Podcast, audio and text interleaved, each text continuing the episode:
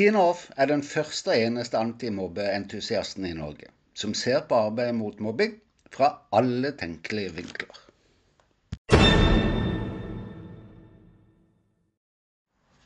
Hvordan stiller du deg til lydopptak? Hva om du etter en telefonsamtale eller et møte finner ut at det du har sagt er tatt opptak av? Hva tenker du om det? Hadde det spilt noen rolle om du hadde vist det på forhånd? Og hvorfor melder dette behovet seg for foreldre i mobbesaker? Kan vi snakke om det? Klart vi kan. Velkommen til episode 26. Det kan hende at du ikke har hørt om foreldre som tar lydopptak av telefonsamtaler eller fra møtene. Da har kanskje samarbeidet ikke reist det behovet, det har kanskje ikke blitt nødvendig, eller tanken rett og slett ikke har slått til. Min erfaring er at foreldre tar lydopptak når det som sies over tid ikke stemmer med det som står på papiret, eller når påkjenningene begynner å bli så store for dem at de ikke husker hva som blir sagt i møtene. Eller når det blir så mange på møtene at de ikke har en sjanse til å få med seg alle fagrådene som gis av de ulike instansene. Eller når bare den ene har anledning til å gå på møte, og den andre ønsker å få med seg hva som har skjedd. La oss grave litt i disse årsakene. For det første, i sistnevnte eksempel, altså der bare den ene har anledning til å gå på møte, kan vi vel lett akseptere og forstå og få med seg det som har skjedd. Så den lar jeg bare ligge. For det andre, vi må ikke glemme da at foreldre fortsatt bare teller maksimalt to personer, mens det kan delta mange fagpersoner. Nå skal jeg innrømme at jeg har ikke vært i møter med flere enn 15 fagpersoner som representerte det offentlige, og én aleneforelder som representerte hjemmet. Ja, og så var jeg der, da. 15 fagpersoner. Selv på en helt vanlig hverdag for en helt vanlig person som deg og meg, kan nok en slik situasjon både oppleves overveldende og være vanskelig å fange opp alles anbefalinger og råd fra. Ikke minst om det er meningen vi samtidig skal ta noen kloke beslutninger når det gjelder tiltaksforslagene eller justeringene for barnet vårt. Kan vi ikke bare forstå, ha forståelse for dette eksempelet også? For det tredje, for noen opplever skolen og disse møtene belastende for foreldre. Jeg er jo et skolemenneske, så jeg har spurt de. For noen kunne vi like gjerne ha snakka gresk, sier de. For andre er det hva tiltak eller justeringer egentlig betyr, altså for barnet, eller for tryggheten for barnet, og hva som egentlig forventes av foreldrene i den forbindelse. Dette er usikkerhet som vi lett kan bli flinkere på å møte, slik at ikke møtene oppleves så belastende. Og det leder meg til det siste eksempelet.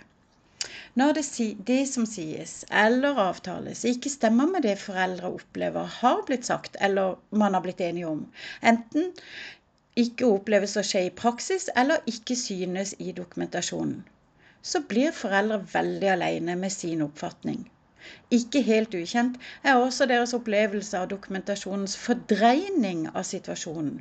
Kanskje insinueres feil og mangler foreldre ikke kjenner igjen hos barnet, eller at foreldrene settes opp mot hverandre på papiret, eller at det hintes til feil og mangler hos foreldrene sjøl.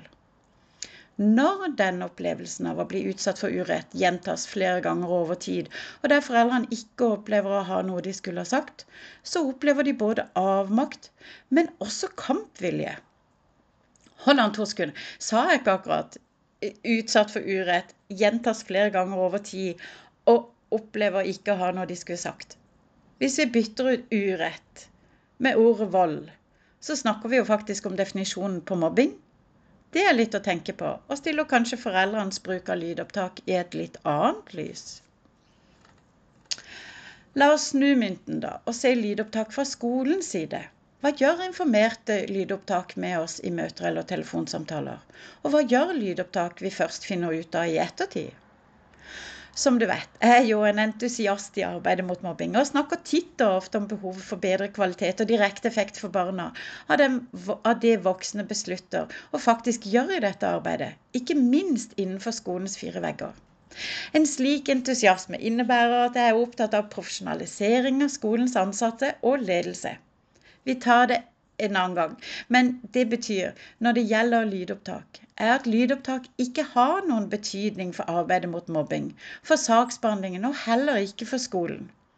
Likevel erfarer jeg at skoler ikke helt sjeldent reagerer i tilfeller der de mistenker lydopptak skjer. Det jeg tenker da, er at lydopptak burde ønskes velkommen inn i mobbesaker ut fra følgende argumenter. For det første, vi har forståelse for foreldre der bare den ene har anledning til å delta på et møte. For det andre, vi har forståelse for at mange fagpersoner kan gi mange og til dels motstridende råd, og at disse kan være vanskelig å huske på.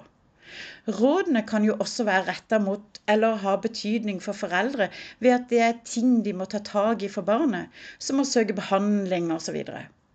For det tredje, vi har vel også forståelse for at mange fagpersoner til stede kan resultere i flere ulike fagspråk. Slettes ikke alle er lærere eller helsefaglig utdanna. Det må vi huske. For det fjerde gjør ikke rettferdighetssansen vår at vi også har forståelse for foreldres behov for å ha noe konkret, ja kanskje et bevis fra møtet for å kunne forsvare seg. Ja, foreldre får referat, og det gis mulighet til å sende inn sine kommentarer til referatet om de mener noe er galt. Det er to menn her. For det første, eventuelle innsigelser til et referat fører ikke til endringer i selve referatet, men arkiveres som et vedlegg. For det andre, dette vedlegget vil aldri bli henta fram f.eks. ved prøving for retten, uten at det er foreldrene sjøl som henter det fram, eller at det kan brukes mot foreldrene. Var det meningen antimobbesystemet skulle gjøre foreldre til, nemlig profesjonelle saksbehandlere i mobbesaker? Nei, tvert imot. De skal avlastes gjennom nettopp aktivitetsplansdokumentet.